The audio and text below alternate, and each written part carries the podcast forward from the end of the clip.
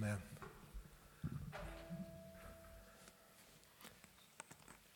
Vi har fortsatt denne serien med møter med Jesus. Kanskje du har vært på noen av de andre. Jon Edvard, du har noe du skal fortelle oss i dag. Og det, det passer veldig godt til eh, temaet møter med Jesus. Vær så god. Ja, jeg heter Jon Edvard. Tror de fleste vet hvem jeg er. Jeg skal fortelle en historie om, eh, som skjedde i 2021. Hvor eh, vi var en eh, stor ungdomsgjeng fra menighetene i Grenland som reiste til The Descend i Oslo. Eh, og Der skulle det være et møte, et sånn tolvtimersmøte. Og så var det eh, 10 000 mennesker fra hele verden eh, som kom. da. Eh, jeg satt der sammen med en, eh, en kamerat fra Arena. Og så eh, ja, var vi ca. sju timer inn i det møtet. da. Og så eh, var det han predikanten som kom opp på scenen. da. Han eh, startet med å si at eh, eh, det er en person her i dag som har eh, problemer med kjeven sin. Og eh, Gud ønsker å helbrede deg i dag. Og den personen, det var eh, han kameraten som satt ved siden av meg. Ja, så vi samla oss rundt han og begynte å be. Så ja, blei han helbreda, da. Så ja. Nydelig. Så det er kult.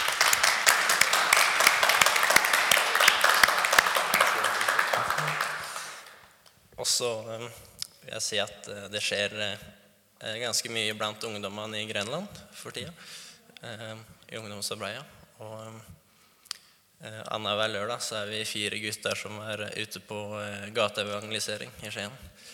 Så var vi ute i går og fikk eh, masse bra samtaler og fikk eh, snakka med flere som eh, hadde dette litt ut og sånn, kan du si.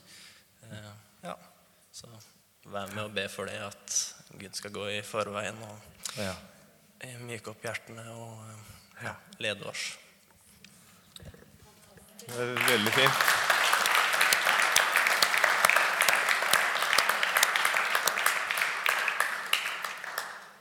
Det var fint å høre, Jon Edvard. Var det sju timer du møtte, varte, eller var det ti? Tolv, ja. ja. Jeg håper dere har god tid i dag.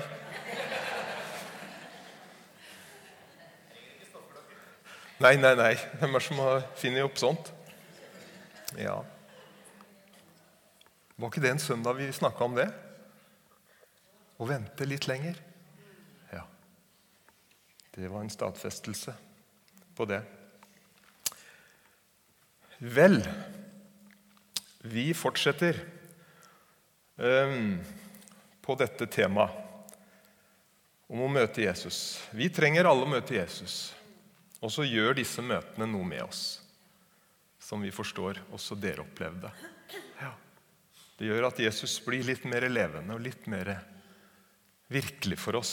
Og så ser vi mer og mer at det, han er Han er ikke bare et menneske.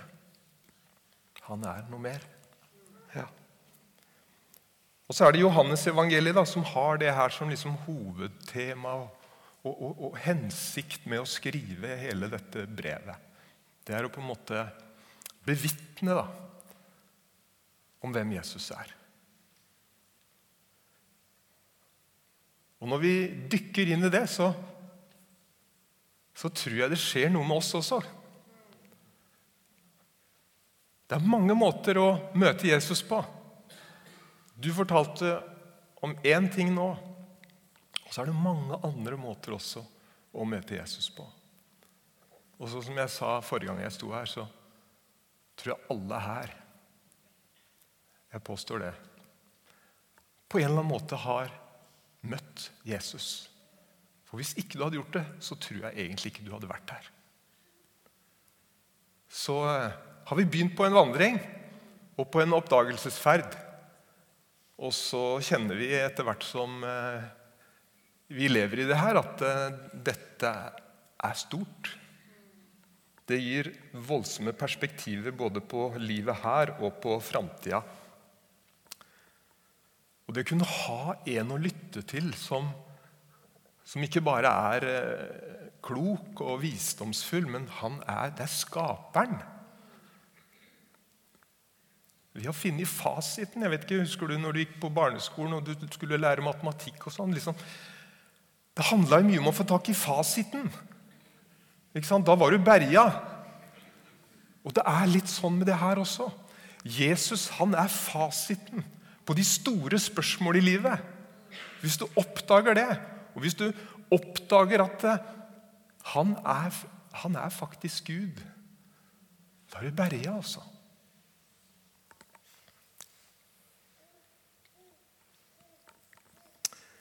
Um, forrige gang, dvs. Si etter, før vi dro til Fyresdal Vi har vært i Fyresdal.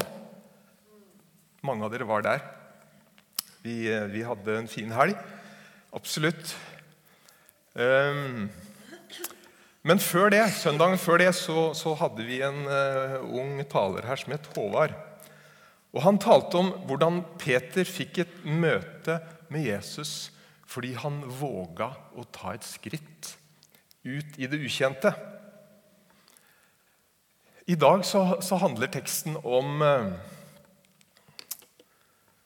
Jesus som metter 5000 med fem brød og to fisker. Og eh, Litt av poenget i den teksten handler om at vi kan være med og legge til rette for sånne Jesusmøter ved å gi sjenerøst til ham, til Jesus. Du husker vel den, eh, den historien som er så nydelig? Med han gutten som gir nistepakka si til Jesus. For det var jo nettopp det som skjedde. Han ga sjenerøst av det han hadde, til Jesus. Hele den nistepakka. Og jeg vil jo påstå at eh, det var jo ganske avgjørende for det som skjedde i den historien. At han gjorde det. Det er ikke sånn at Gud betaler oss tilbake når vi gir noe. Det, det handler ikke om det. Men allikevel så, så, er det en sannhet som ligger her, som jeg har lyst til å være med å løfte opp, bl.a. i dag. da.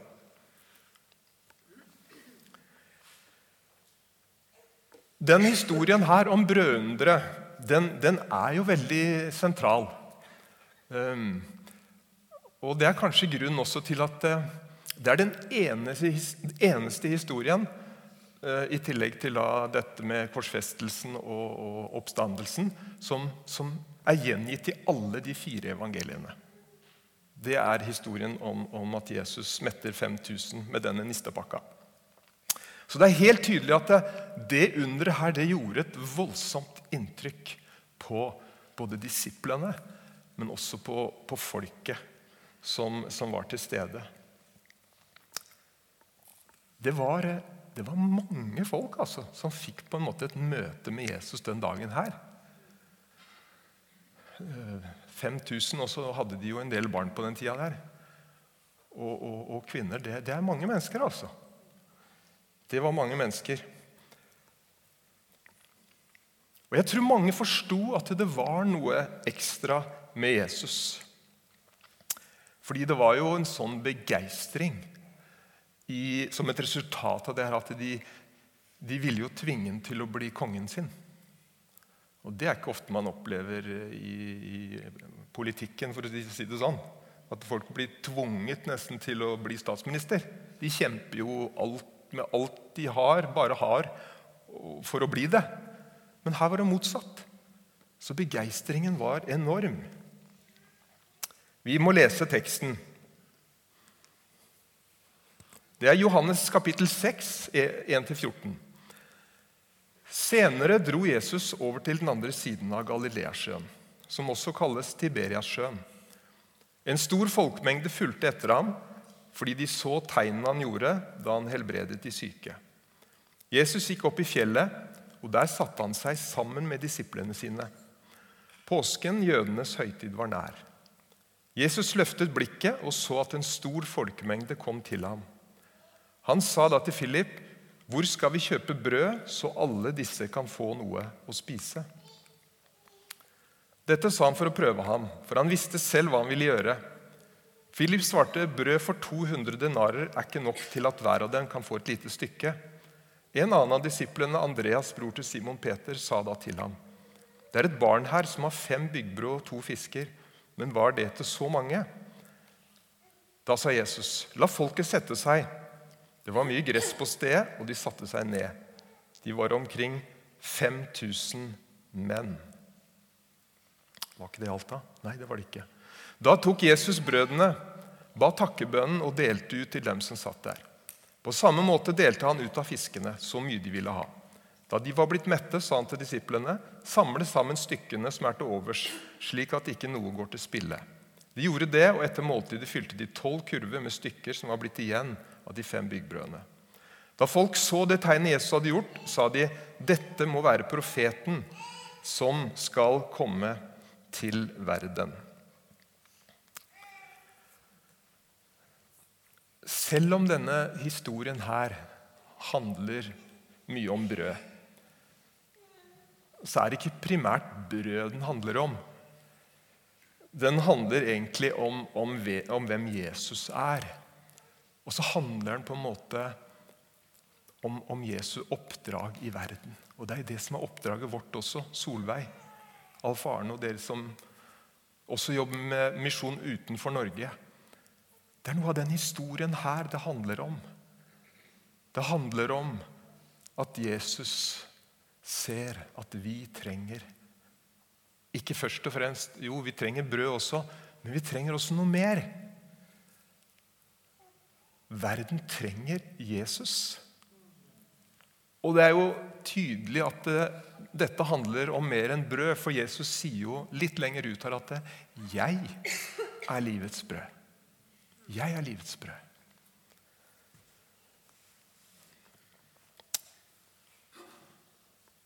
Og så er det Johannes da som ønsker å vise jødene at Jesus, han er Han er løsningen.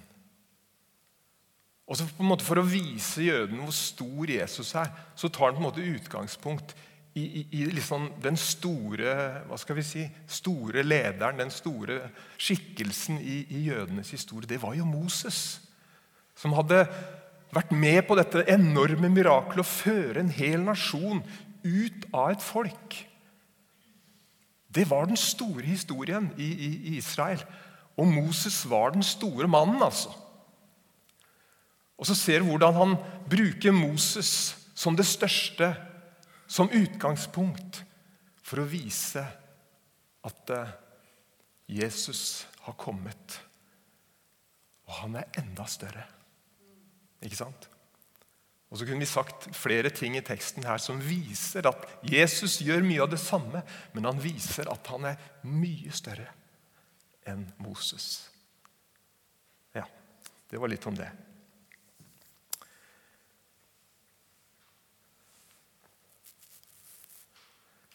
Og Det er noe av det her som jeg tenker at det er det som er litt av livet vårt også. Vi har blitt med i dette å vise folk, fortelle folk om at Jesus, han er faktisk løsningen. Han er faktisk det vi dypest sett trenger.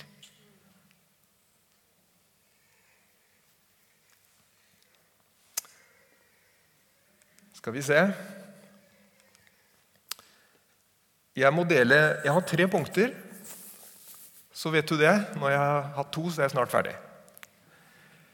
Første punktet er hvor jeg har sagt 'når Jesus prøver oss'. I vers 6 så står det at 'dette sa Jesus for å prøve Philip'. Og det han sa, var hvordan, 'Hvor skal vi kjøpe mat så alle disse kan få noe å spise?' Det var det Jesus sa til Philip. I motsetning til Peter, som var eventyrlysten. Ikke sant?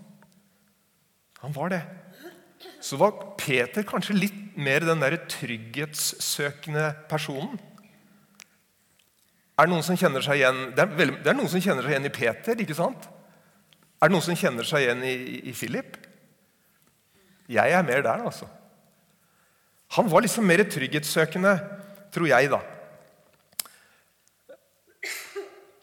Og så tenker jeg at eh, fordi han kanskje var det, så tror jeg han trengte kanskje mer tid til å bli kjent med hvem Jesus virkelig er. Det er klart Når du hiver deg utpå sjøen, sånn som Peter gjorde, så, så fikk han jo faktisk noen mektige erfaringer om hvem Jesus var. Men Philip, med han så var det litt annerledes. Han var på en måte veldig sånn beregnende, og jeg tror han likte å ha kontroll. Han regna da ut hvor mye penger de hadde i kassa. Og så kom han til det at jo, de hadde 200 denarer, var det ikke det? Tilsvarende, Det var jo en del penger, da. Kanskje 300 000 omregna til vår, vårt samfunn. Men eh, det var jo ikke nok, ikke sant? Så det var det. Det var det han kom til.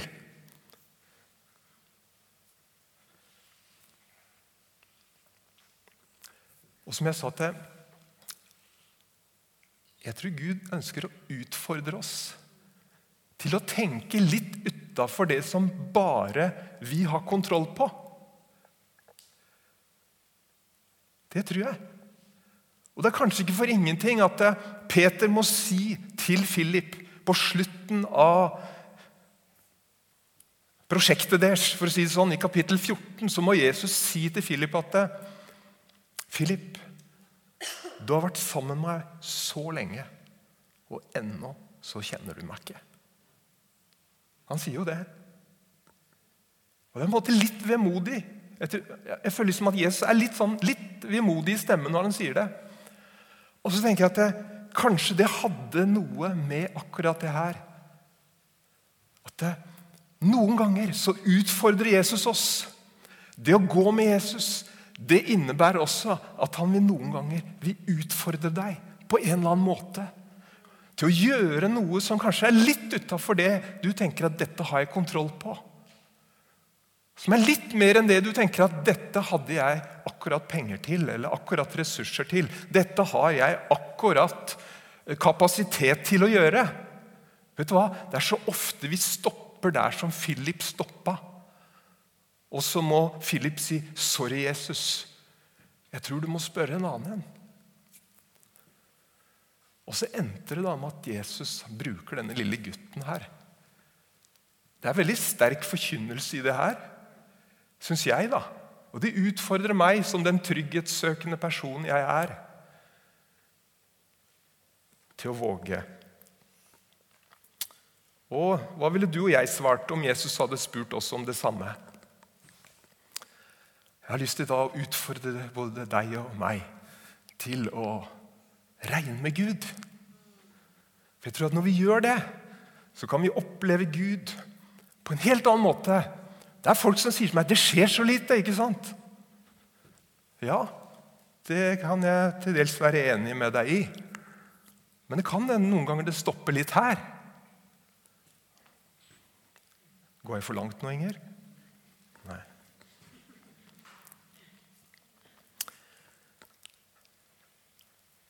Ja. Vi, vi, satt på et stabsmøte her for en stund siden, og så snakka vi litt om det avsnittet her. Og så, og så, så sier jeg at eh, Er det bare jeg som opplever det at, det, at jeg noen gang kan oppleve at jeg har, jeg har ganske lite når jeg liksom skal F.eks. sånn som i dag skal stille meg fram. Eh, det handler litt om fem brød og to fisker i dag. ikke sant? Det var ikke så mye, det. Er det, er det bare jeg som har det sånn? spør jeg de andre. Nei, jeg også har det sånn, sa han ene. Ja, jeg også, han nummer to. Og så var det en til. altså. Siste hadde det også sånn. Ja. Henrik var der. Hallo, Henrik. Ja. Nei, vi hadde det litt sånn alle sammen. Og kanskje det er sånn for de fleste av oss.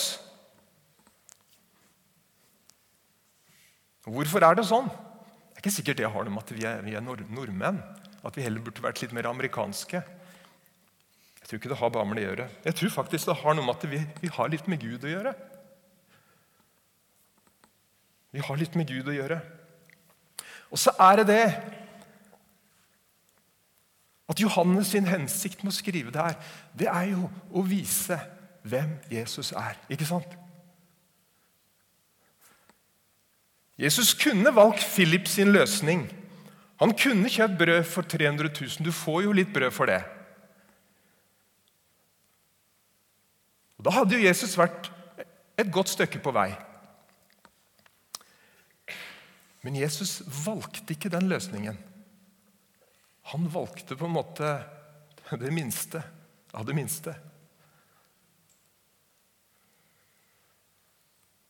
Og Kanskje det var med en hensikt for at vi skulle se hvem vi har med å gjøre. At vi har med Gud å gjøre. Han som er skaper av alle ting. Og som det er sagt tidligere her, det handler ikke om deg og meg, men det handler om hvem han er. Amen, sier jeg da.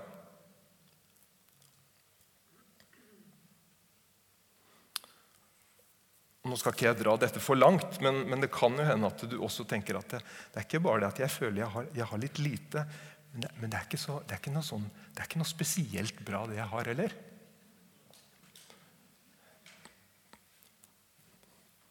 Og jeg tenkte det i mange år. Det er så mange som er mye flinkere til å tale enn meg. Ikke sant? For eksempel, da. Men skal jeg si deg en ting? Det var ikke spesielt, de var ikke spesielt bra, de brøda som den gutten her hadde heller. For det var byggbrød. Og det var sånn fattigbrød, for å si det sånn. altså. Vet du hva det var? Det var First Price. Er det noen som kjøper First Price-kneip her? Du, det er ikke veldig godt. Det hender jeg har gjort det. Da blir jeg ikke veldig populær hjemme når ungene var mindre. Bodde hjemme. Den oppskriften den fungerte hver gang hvis du ville bli populær. Men det var det denne gutten hadde. Det var det han hadde. Og det var det Jesus ville ha.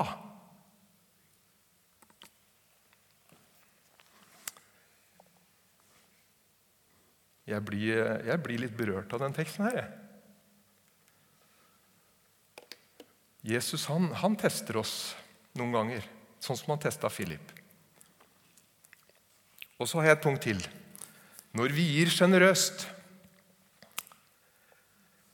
Og så, så, så, så, sa Håvard for 14 dager siden at uh, Han fortalte om hvordan Peters eventyrlyst førte til et møte med Jesus.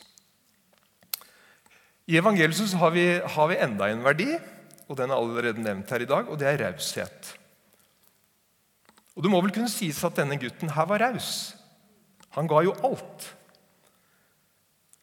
Og så en ting til som vi må si. At denne guttens raushet førte til at så mange mennesker fikk et møte med Jesus denne dagen. Gjorde de ikke det?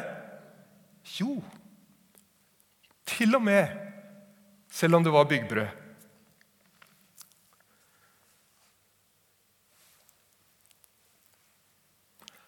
Og så en liten ting jeg må si. Legg merke til det at Jesus gjør ikke dette brødunderet uavhengig av oss. Han kunne gjort det.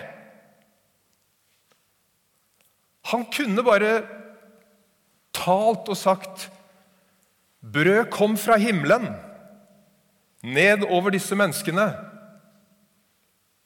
Det var jo til og med det Moses gjorde i Gamle testamentet. Det regna jo brød ned fra himmelen.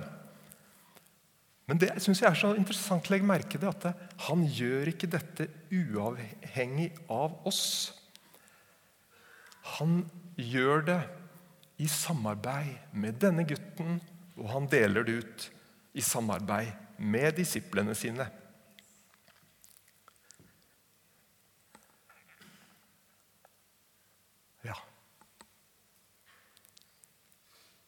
Han tar det som den gutten har, og så velsigner han det.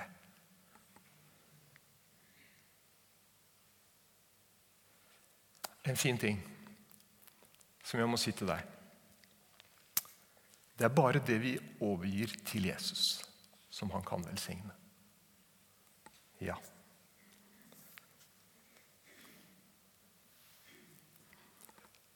Jesus gjør dette tegnet og viser sin storhet ved noe som allerede er der. Det er det samme vi ser når Jesus gjør det første tegnet i, eh, i, eh, i Kanan. Så bruker han det som allerede står der. Det sto noen steinkar med vann. Og så var det noen tjenere der, det var noen slitere der. ikke sant? Og Så brukte han disse kara, og så brukte han disse tjenerne. Som allerede var der.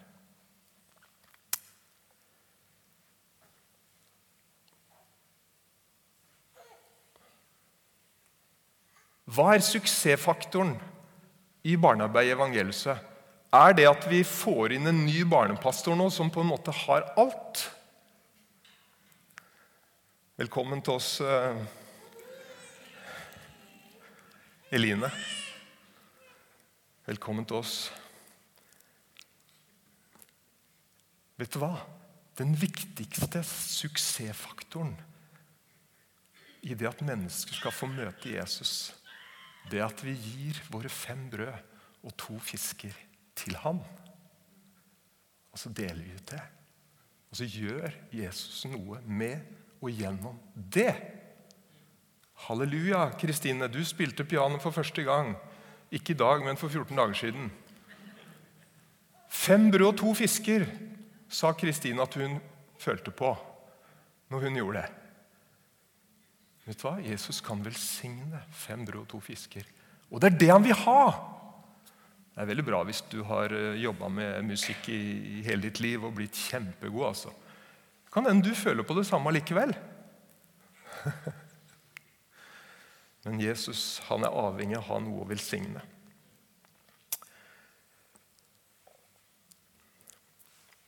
Når vi gir sjenerøst, er punktet nå. Mennesker kan få et møte med Jesus når vi som er hans disipler, gir sjenerøst av vår tid og våre krefter til å tjene ham. Noen ganger så tenker vi sånn at å, det er herlig når Jesus bare gjør noe iblant oss, og mennesker får møte Gud. Og så leser vi om vekkelsen på Vigeland, og så gleder vi oss over det.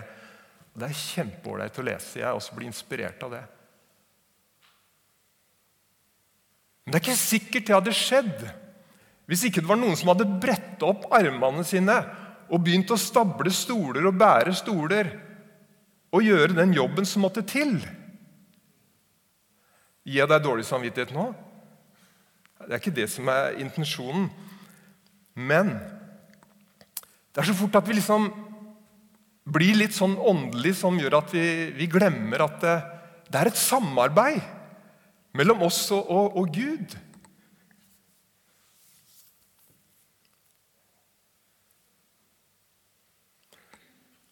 Jeg tror vi er også avhengig av Gud.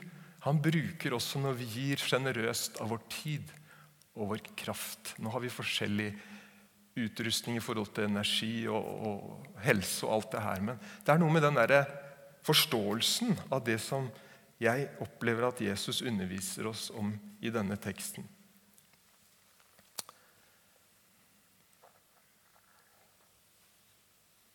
Jeg vet ikke om du har tenkt på det, men det må ha vært en vanvittig jobb å dele ut alt dette brødet. Har du tenkt på det? Ja, du har det. 20 000 mennesker, kanskje. Og så var det 12 disipler. Jeg regna på det. Det er, det er sånn i snitt 1666 mennesker på hver disippel. Og det er en stor jobb. Du som nettopp har vært i Fyresdal. Var det noen som hadde kjøkkentjeneste i Fyresdal? Ja, jeg hadde det. Og jeg var så glad for at ikke det var flere enn 100 der. Her var det 20 000 mennesker på 12 disipler. Det var en svær jobb. Vet du hva? gjennom den jobben de gjorde, så fikk mennesker møte Jesus. Og Ikke nok med det. Når de hadde delt ut, så sier jo Jesus da at eh, nå, nå, når de var ferdig å spise Nå kan dere samle inn det som er til overs. Det høres litt slitsomt ut. Men det var Jesus som sa det. De ga sjenerøst til Jesus med den jobben de gjorde. Og For meg så er det en motivasjon til å være med og tjene. At jeg vet at det er ikke bare sånn at det, det gjør jeg bare sånn fordi jeg kan ha god samvittighet, eller fordi at det forventes. Jeg tenker jeg er med på oppdraget. Og Jesus er midt iblant oss. Og han har gjort seg avhengig av at du og jeg responderer på han, og så er vi med og bidrar til at mennesker får møte Jesus. Men er ikke det her litt fint, da?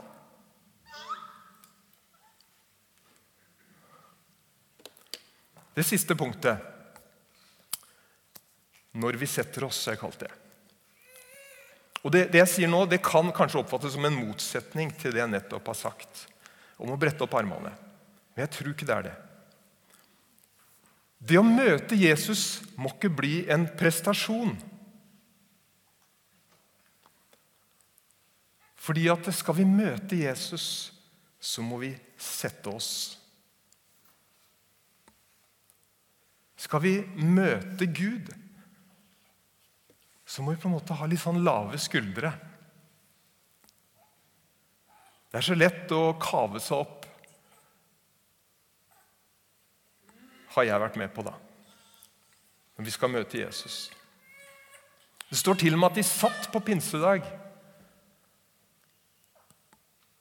Du syns kanskje det er dumt å henges opp i sånne ting. Men eh, jeg syns det er interessant. For at disse menneskene her skulle få møte Jesus, så fikk de beskjed om å sette seg. Det står at de satte seg i gresset. Og han delte ut til dem som satt der. Vers 10 og 11. Jeg kan jo lese det. Da sa Jesus, la folket sette seg. Det var mye gress på stedet, og de satte seg ned. Og når jeg leste det, så tenkte jeg at eh, ja, vi får greie på at det var gress på stedet. Det hørtes deilig ut, koselig ut. Men sånn som det er litt med Johannes, da, så har som regel Johannes et, også et dypere innhold i det han sier. Det var som Når Judas går ut, så, så sier Johans at og det var natt. Det var ikke så viktig å få inn den informasjonen at det var, det var natt, det var mørkt ute. Men det var natt i Judas sitt liv. Ikke sant? Og Det er noe av det samme her. At eh, Johannes tar med det at eh, før Jesus kunne dele ut, så trengte de å sette seg. Få ned skuldrene. Og Det minner meg litt om Salme 23. Der også står det om grass. Han lar meg ligge grønninger. Disse folka her de var vant til å streve for det daglige brød. Og nå i møte med Jesus så møter de en helt ny leder. Noe helt nytt. Han ber dem om å sette seg. Og så blir de betjent av Jesus. Da Jesus tok brødene, ba takkebønnen og delte ut til dem som satt der. På samme måte delte han ut av fiskene så mye de ville ha. Tror du den gutten som hadde gitt fra seg maten, gikk sulten hjem den dagen her? Nei, det tror ikke jeg heller. Han hadde satt seg, han også. Han fikk ta imot fra Jesus. Og Jeg tror det er litt sånn Gud ønsker at vi skal leve. At vi skal våge å slippe taket og overgi alt til ham. Og så får vi lov til å sette oss i det grønne gresset, om du vil. Også i den posisjonen så vi lov til å ta imot fra Jesus det vi trenger for vårt liv. I vers 4 så, så står det påsken, jødenes høytid, var nær. Og det her, det er påske. Påske handler om at vi kan sette oss fordi alt er ferdig. Og så tror jeg da at det er i den posisjonen, i den stillingen, at Gud kan møte oss. Hvis du har lest i Gamle Testamentet, så har du kanskje lest om at nådestolen Jeg har tatt med meg en stol her i dag.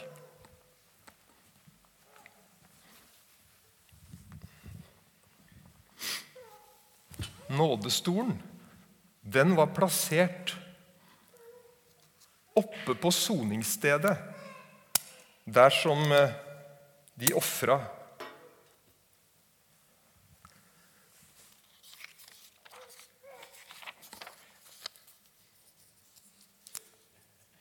Der var den plassert.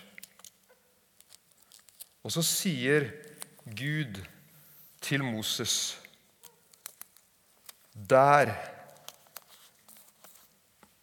vil jeg møte deg. Og det, det handler akkurat om det Inger begynte med i dag. Det er ved korset. Ikke sant? Der møter Gud oss den og den. Der alt er ferdig. Og Det var Jesus gjorde som la grunnlaget for at vi kan møte ham. Står at forhenget i tempelet, den revna, sånn at veien ble åpen inn, så vi kan møte Gud. Jeg syns det var en fin avslutning. Jeg. Når vi setter oss, så kan vi møte Gud. Dere kan jo komme opp som skal synge en sang hvert øyeblikk. Og så har jeg lyst til å si før jeg setter meg Så har jeg lyst til å si til deg Det kan hende når, når vi har snakket, delt Guds ord i dag, at du opplever at det, det er noe du trenger å overgi til Jesus.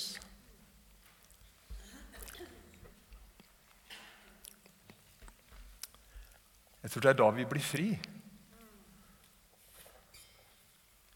Og så skal ikke jeg spørre hva det er, men jeg har lyst til å bare si til deg at eh, jeg tror Gud ønsker at vi skal respondere på eh, budskapet i dag.